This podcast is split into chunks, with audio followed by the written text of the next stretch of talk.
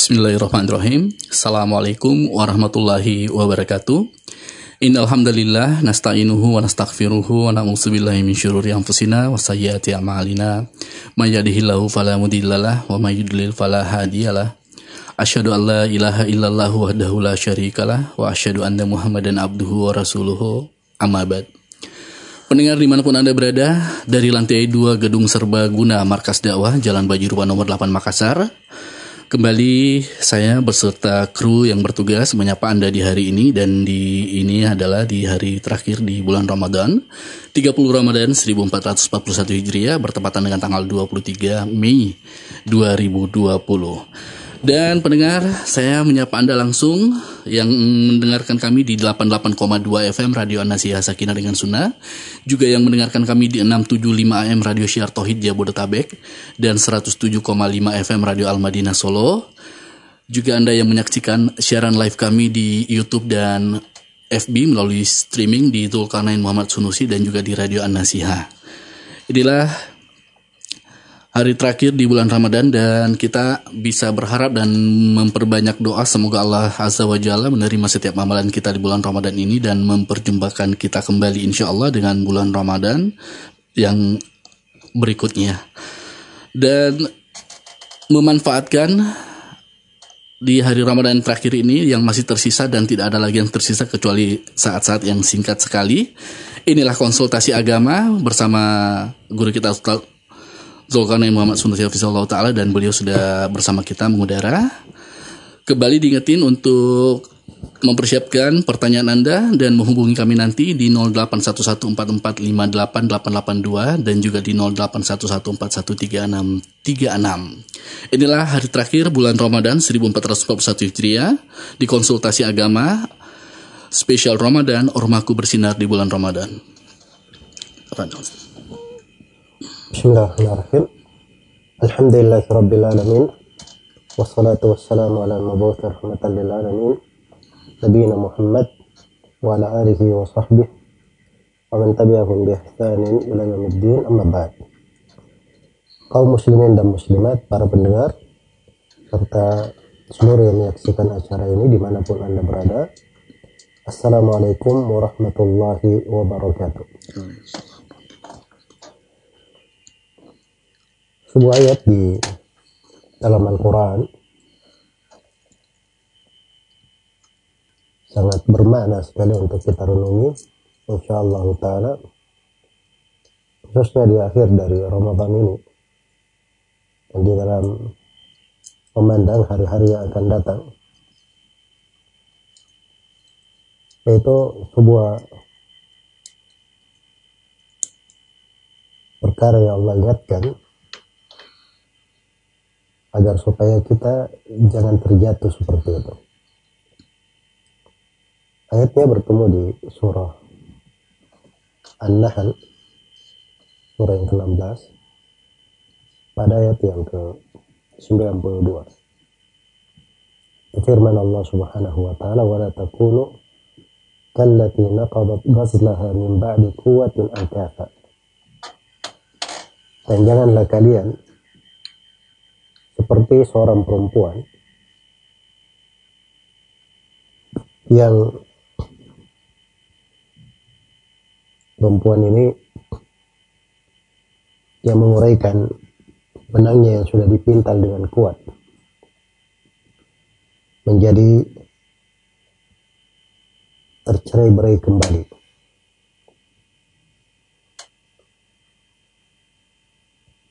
Perumpamaan di seorang perempuan ini kejadian disebutkan di sebagian buku-buku tafsir ada seorang perempuan di Mekah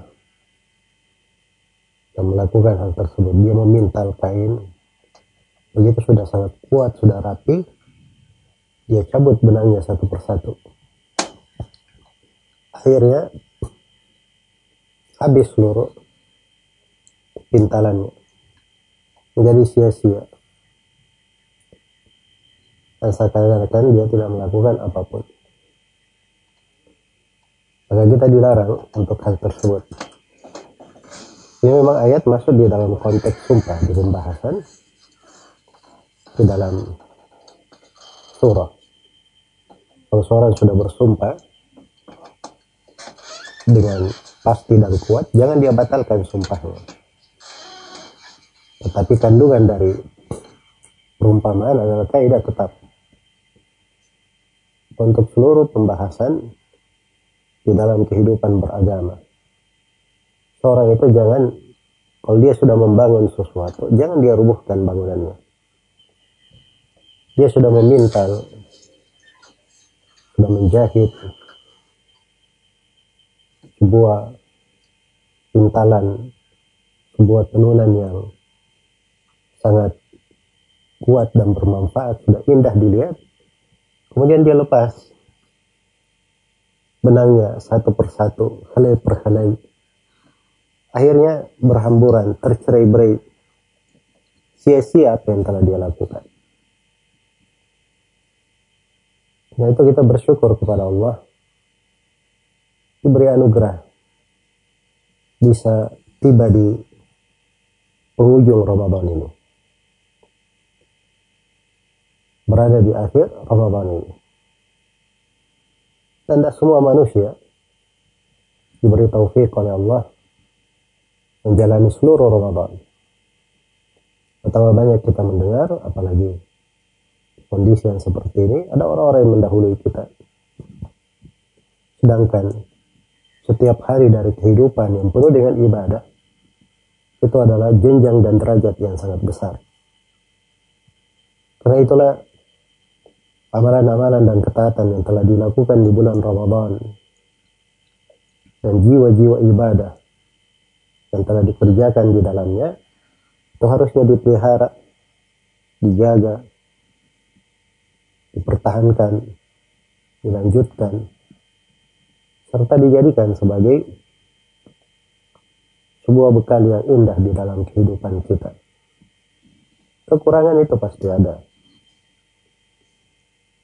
Hal-hal yang bolong di sana sini itu tidak lepas dari kekurangan kita sebagai manusia. Tapi Allah Subhanahu wa taala Maha merahmati siapa yang selalu beristighfar dan dia berniat dengan niat yang baik menjaga dirinya di atas ketaatan maka Allah akan memberi taufik untuk dia menuju kepada jalan yang lebih baik walladzina jahadu fina lanahdiyannahum subulana orang-orang yang bersungguh-sungguh di jalan kami kami akan beri hidayah kepadanya menuju kepada jalan-jalan kami. Maka dalam lembaran-lembaran bulan Ramadan ini ada pelajaran-pelajaran berharga yang kita bisa petik dari mana ketakwaan, mana memurnikan ibadah kepada Allah, menjaga keimanan, menjauhkan diri dari sikap ria, ketidakikhlasan dan segala bentuk kesyirikan, kepribadian terikat dengan sunnah dan contoh dari Rasulullah Sallallahu Alaihi Wasallam. Menjadi orang yang semangat di dalam ketaatan dan ibadah berlomba-lomba di dalam hal tersebut dari sifat cinta kepada Allah, kepada Rasulnya, kepada para sahabatnya. Orang-orang yang sadis. Sedang bersama orang-orang yang di dalam kebaikan. Punya rasa harapan, punya rasa takut, selalu berdoa kepada Allah, beristighfar, berbaik sangka kepada Allah Subhanahu wa taala, ridha terhadap ketentuan dan takdirnya, bersabar terhadap segala musibah yang menimpa, bersyukur terhadap segala nikmat. Dan saya ingin dari jenjang-jenjang ibadah yang sangat banyak sekali harusnya itu lembaran-lembaran pelajaran kita patenkan di dalam catatan kehidupan kita. Kita menjadikannya sebagai bacaan, sebagai pedoman di dalam mengarungi kehidupan ini. Apalagi kehidupan ini singkat, tidak ada yang tahu kapan ujungnya, kapan ajal itu datang. itulah subhanallah dari hikmah-hikmah besar di bulan kemarin kita menunggu-nunggu dan sangat merindukan datangnya bulan Ramadan. Tidak terasa subhanallah. Di hari ini kita sudah berada di penghujung Ramadan. Kita bersiap-siap untuk ditinggalkan oleh Ramadan. Berpisah dengannya. Itulah hari-hari kehidupan seperti itu. Bergulir tanpa henti berjalan, tidak ada yang bisa menahannya. Apabila ajal telah datang, kepastian Allah Subhanahu wa taala sudah jatuh, tidak ada yang bisa menolaknya. Maka kewajiban kita adalah selalu istiqamah di atas kebaikan. Istiqamah di atas ketaatan. Jangan mengenal ibadah cuma di bulan Ramadan. Bagus sholatnya, cuma di bulan Ramadan. Dia menjaga lisannya cuma di bulan Ramadan. Dia jaga pandangan matanya cuma di bulan Ramadan. Takut berbuat kekeliruan dan dosa hanya di bulan Ramadan. Tapi hendaknya dia takut kepada Allah, beribadah kepada Allah di segala saat, di segala waktu. Karena ibadah kepada Allah itu bukan cuma di Ramadan saja, beribadah kepada Allah Subhanahu wa taala di seluruh waktu. Dialah Allah Subhanahu wa taala yang Maha hidup lagi Maha kekal. Kepadanya lah kita beribadah satu-satunya. Agar supaya seorang itu jangan seperti perempuan yang sudah memintal kainnya dengan sangat kuat. Kemudian dia lepaskan satu persatu benang itu kemudian menjadi tercerai-berai maka demikian pula kita ketaatan-ketaatan yang kita lakukan ibadah-ibadah yang kita kerjakan jangan ditanggalkan satu persatu. Dilepaskan. Sehingga tidak bermanfaat. Kalau kita sudah membangun rumah rumah itu kalau sudah selesai dibangun dibiarkan agar supaya bisa dinikmati, ditinggali, indah. Apa jadinya sebuah bangunan walaupun sudah indah, bagus, setiap kali bangunan itu sudah selesai dibangun atau mencapai sempurna, kita datang lagi merusaknya, merubuhkannya. Tapi ini perlu penjagaan. Dan penjagaan-penjagaan tersebut di hari-hari kehidupan yang mendatang paling pokoknya adalah kita menjadikan jiwa-jiwa ibadah, kaidah-kaidah ketaatan di dalam bulan Ramadan ini itu berpengaruh pada diri kita di bulan Ramadan dan di luar Ramadan sepanjang hayat kita. Kemudian yang kedua, kita sambut amalan-amalan yang disyariatkan setelah bulan Ramadan ini hari yang, ter, hari yang terakhir ketika matahari terbenam itu waktu wajib untuk mengeluarkan zakat fitri hingga imam berdiri untuk melakukan sholat id. Karena sekarang ini masa udur tidak ada sholat id di luar sholat id di rumah masing-masing maka diperkirakan saja ketika matahari terbit kemudian sudah setinggi setombak, maka itu adalah akhir di dalam mengeluarkan zakat fitri. Nah ini ibadah, ibadah yang sangat agung. Sebagaimana seorang itu bertakbir, mengagungkan dan membesarkan Allah. Takbir itu ada dua pendapat di, di kalangan ulama yang mengatakan semenjak terbenamnya matahari hingga hari Id tadi mengatakan ketika dia keluar dari rumah menuju ke lapangan. Nah ini pendapat yang kedua lebih dekat dari sudut pendalilan apa yang berjalan di tengah Rasulullah dan para sahabatnya. Iya. Tapi dua pendapat mengandung kemungkinan. Yang tidak dibenarkan itu adalah ribut-ribut dengan takbir. Berpawai, apalagi di masa pandemi seperti ini berkumpul-kumpul setiap orang bertakbir pada dirinya masing-masing. Tidak meng, tidak menggunakan mikrofon masjid untuk memandangkan takbir. Sebab itu adalah hal yang tidak disyariatkan.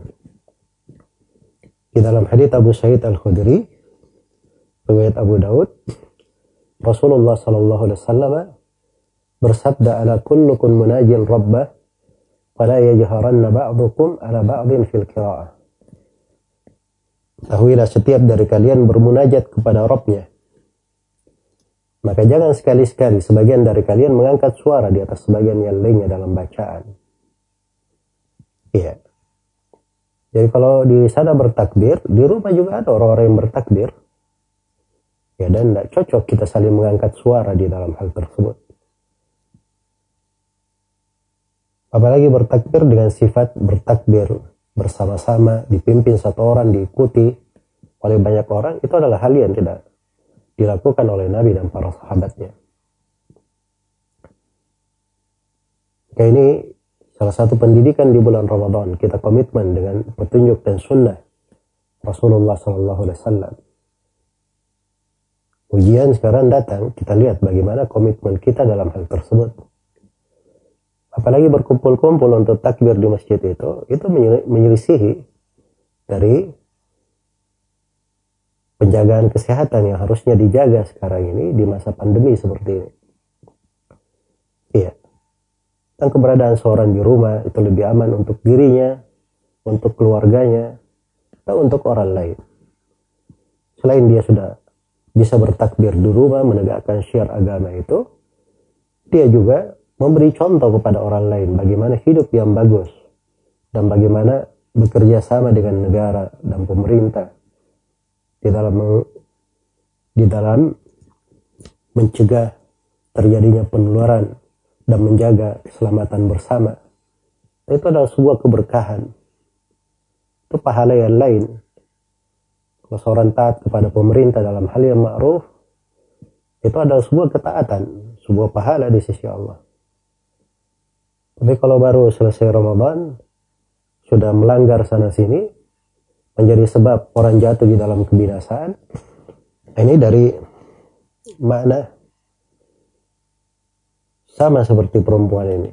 Sudah memintal jahitannya dengan sangat kuat dilepas benangnya satu persatu. Itu hendaknya diperhatikan. Ibadah lain besok kita ada syariat untuk sholat id di rumah Iya. Selain daripada itu kewajiban kita di sholat lima waktu, tentunya itu yang paling utama untuk dijaga. Lagi sholat lima waktu itu, rukun Islam yang kedua, lebih besar daripada zakat, daripada puasa, daripada haji.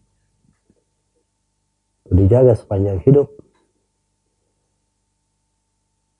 Kemudian di pada waktu kita berbuat baik kepada keluarga, menyambut silaturahmi, menyandung silaturahmi itu tidak mesti dengan kita bertemu langsung berkunjungan. Ya banyak sekarang media seorang bisa menelpon ya bisa hubungan tanpa harus ketemu langsung. Nah itu juga masih masuk di dalam bentuk menyambung silaturahmi. Sebagaimana kita doakan kebaikan untuk saudara-saudara kita kaum muslimin kita beri kabar gembira selamat atas hari raya. Taqabbalallahu minna wa minkum. Semoga Allah menerima dari kami dan dari kalian. Karena itu datang dari sejumlah as-salaf rahimahumallahu ta'ala. Itu masuk di dalam konteks umum di firman Allah, "Qul bi fadlillahi wa bi rahmatih, fabidzalika falyafrahu huwa khairum mimma yajma'un." Katakanlah dengan keutamaan dan rahmat Allah, dengan hal tersebut hendaknya mereka bergembira itu lebih baik daripada segala dunia mereka kumpulkan. Setelah satu syawal, di bulan syawal seluruhnya bermula dari tanggal 2, kita ada syariat puasa 6 hari di bulan syawal. Di dalam hadis yang diriwayatkan oleh Imam Muslim, Rasulullah Sallallahu Alaihi Wasallam bersabda, "Man sama thumma atba'ahu sitan min syawal kana kasiyamid Dahar. siapa yang berpuasa Ramadan lalu diikuti dengan puasa enam hari di bulan Syawal maka seakan-akan dia berpuasa satu tahun penuh. Jadi menjadi satu tahun kalau dia lengkapi dengan enam hari di bulan Syawal. Dia enam hari di bulan Syawal ini subhanallah berberkah. Dia menjadi pelengkap untuk bisa mencapai nilai setahun. Ya, karena setiap amalan dilipat gandakan menjadi sepuluh. Jadi ketika enam hari bergabung dengan satu bulan Ramadan, satu bulan dikali sepuluh menjadi sepuluh bulan. Enam hari dikali sepuluh menjadi enam puluh hari. Enam puluh hari itu dua bulan. Menjadilah semuanya satu tahun. Nah ini keutamaan yang besar menanti kita.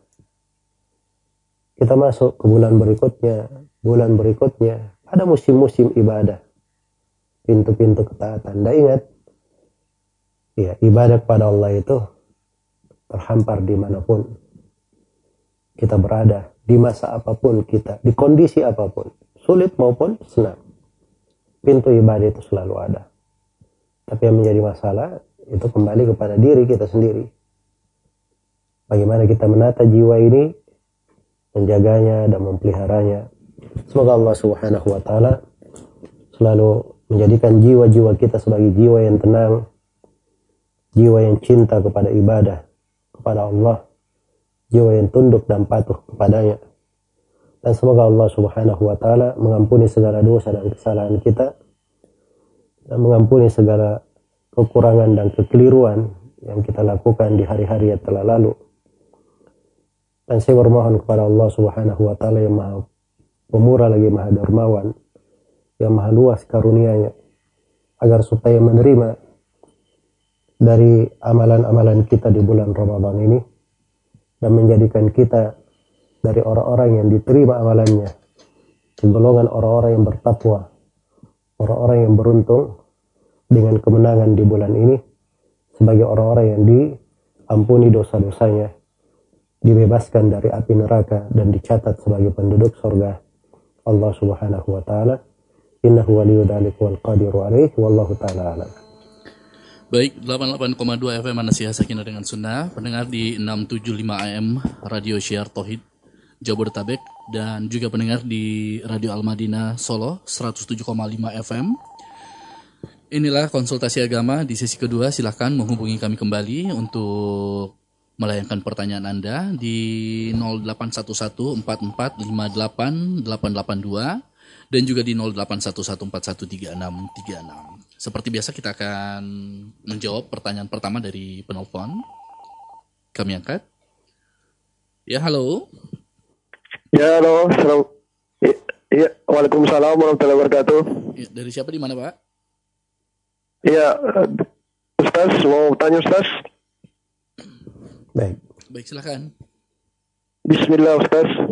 Bagaimana hukumnya sholat Jumat dan sholat Id bagi pelaut yang kapalnya di tengah laut berbulan-bulan meskipun tidak memberatkan sebab saya pernah mendengar jawaban Ustadz bahwa tidak adanya syariat sholat Jumat dan sholat Id saat bersafar serta jawaban Ustadz bahwa tidak perlu mengkasar sholat bagi pelaut meskipun kapalnya berbulan-bulan di laut selama tidak memberatkan dan anda juga pernah mendengar seorang ustaz mengatakan bolehnya sholat id di kapal dengan berlandaskan bahwa anak-anak dan wanita haid saja diperintah untuk ikut ke masjid. Mohon penjelasannya Ustaz. Itu aja, Pak. Naam. baik Bismillahirrahmanirrahim Alhamdulillahirabbil alamin Wassalatu wassalamu ala al-mabuthi rahmatan lil alamin Nabiina Muhammad wa ala alihi wa sahbihi wa man tabi'ahum bi ihsanin ila yaumiddin amma ba'd. Jadi sebenarnya apa yang disebut tadi banyak hal darinya itu benar ya. Hanya saja di dalam mengurai permasalahan itu harus dibedakan antara dua hal untuk seorang pelaut. Hal yang pertama ini keadaan mayoritas dan kebanyakan orang.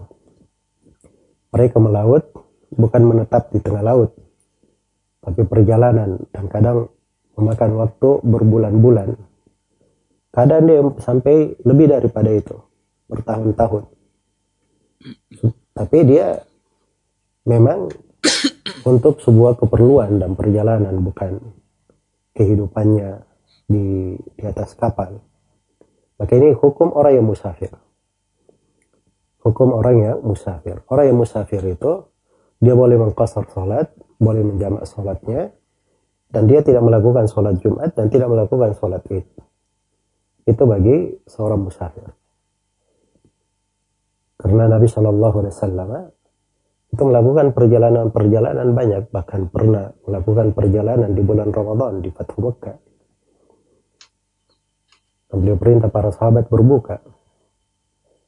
Dan tidak pernah dinukil dalam sepotong riwayat pun, beliau dan para sahabat melakukan sholat Jumat di dalam perjalanan.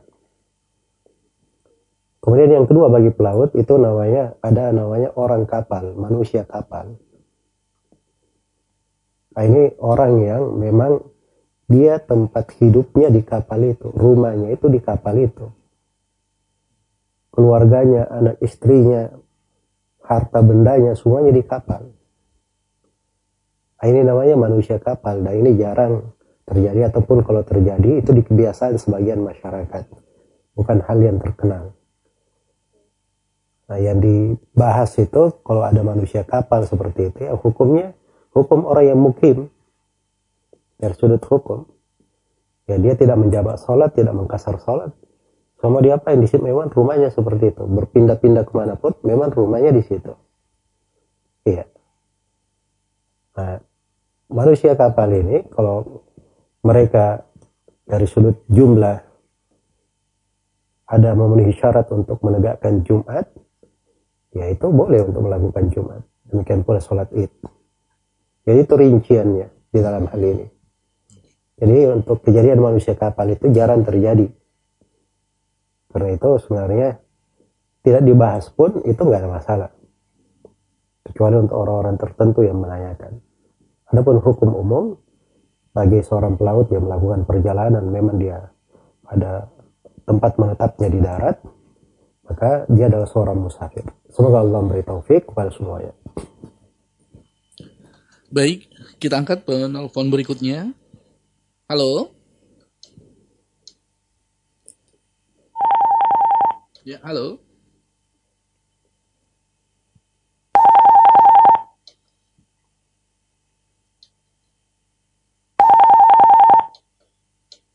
Halo.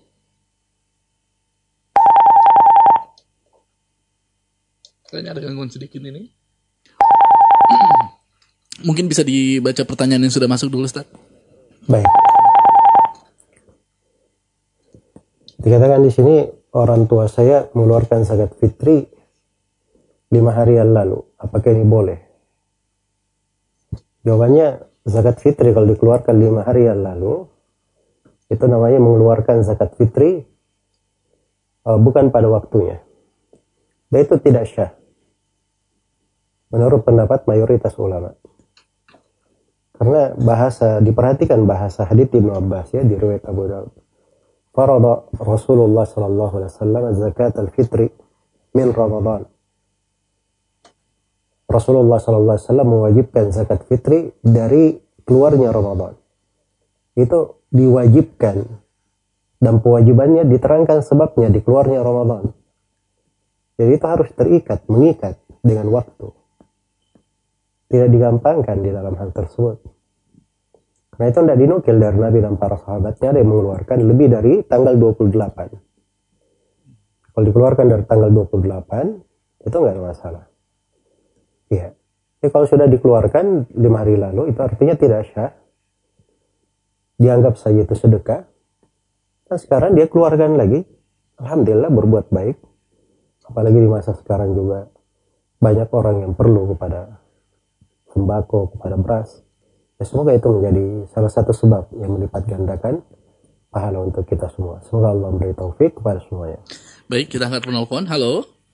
Halo, Assalamualaikum warahmatullahi Waalaikumsalam warahmatullahi wabarakatuh. Dari siapa di mana, Pak? Dengan Ilham di BTP, Pak. Silakan pertanyaannya, Pak Ilham. Ya, saya mau tanyakan saya mempunyai tetangga yang di masa saat saat pandemi ini dia tidak sudah berapa sudah empat bulan tidak kerja Ustaz. Eh, dan dia tidak memiliki mata pencarian untuk saat ini. Apakah boleh saya memberikan zakat fitrah kepada dia? Tetapi dia, masya Allah, dia memiliki mobil dan kendaraan bermotor, Ustaz. Baik. Jadi uh, beliau punya tetangga dari penampilan bahirnya ada kemampuan punya mobil, punya kendaraan bermotor. Ya selama pandemi ini empat bulan tidak kerja dan tidak memiliki mata pencaharian. Jadi perlu saya ingatkan ya orang dilihat masuk ke dalam kategori miskin itu itu tidak mesti dilihat di penampilan bahirnya. Oh miskin. Dia harus rumahnya apa namanya kurang layak atau tidak ada kendaraannya atau pakaiannya biasa-biasa. Tidak mesti seperti itu. Ya, definisi miskin itu adalah orang yang tidak memiliki kecukupannya. Itu yang disebut miskin. Ya, kalau misalnya seorang dalam sebulan kecukupan kecukupan hidup dia untuk dirinya dan tetangganya atau untuk dirinya dan keluarganya 3 juta dalam sebulannya. Kalau penghasilannya cuma 2 juta walaupun dia punya motor punya mobil dia dihitung miskin. Ya dia dihitung miskin. Dia punya motor perlu diberikan bensin.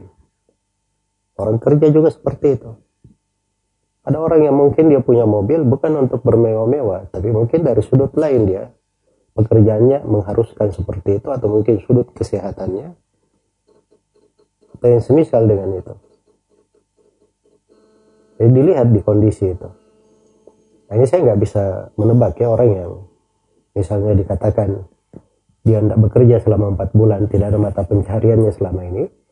Masuk miskin atau tidak mungkin iya mungkin tidak kalau misalnya dia punya tabungan punya simpanan yang bisa mencukupinya selama berbulan-bulan, bertahun-tahun, nah itu tidak masuk ke dalam miskin. Tapi kalau dia tidak ada hal yang menghidupinya, mencukupinya, masuk dalam kategori miskin, zakat fitri syah diserahkan kepadanya. Semoga Allah memberi taufik kepada semuanya. Baik, ini ada yang bertanya apa hukum saling meminta maaf di hari Id? Apakah ada syariatnya dari Nabi Shallallahu Alaihi Wasallam?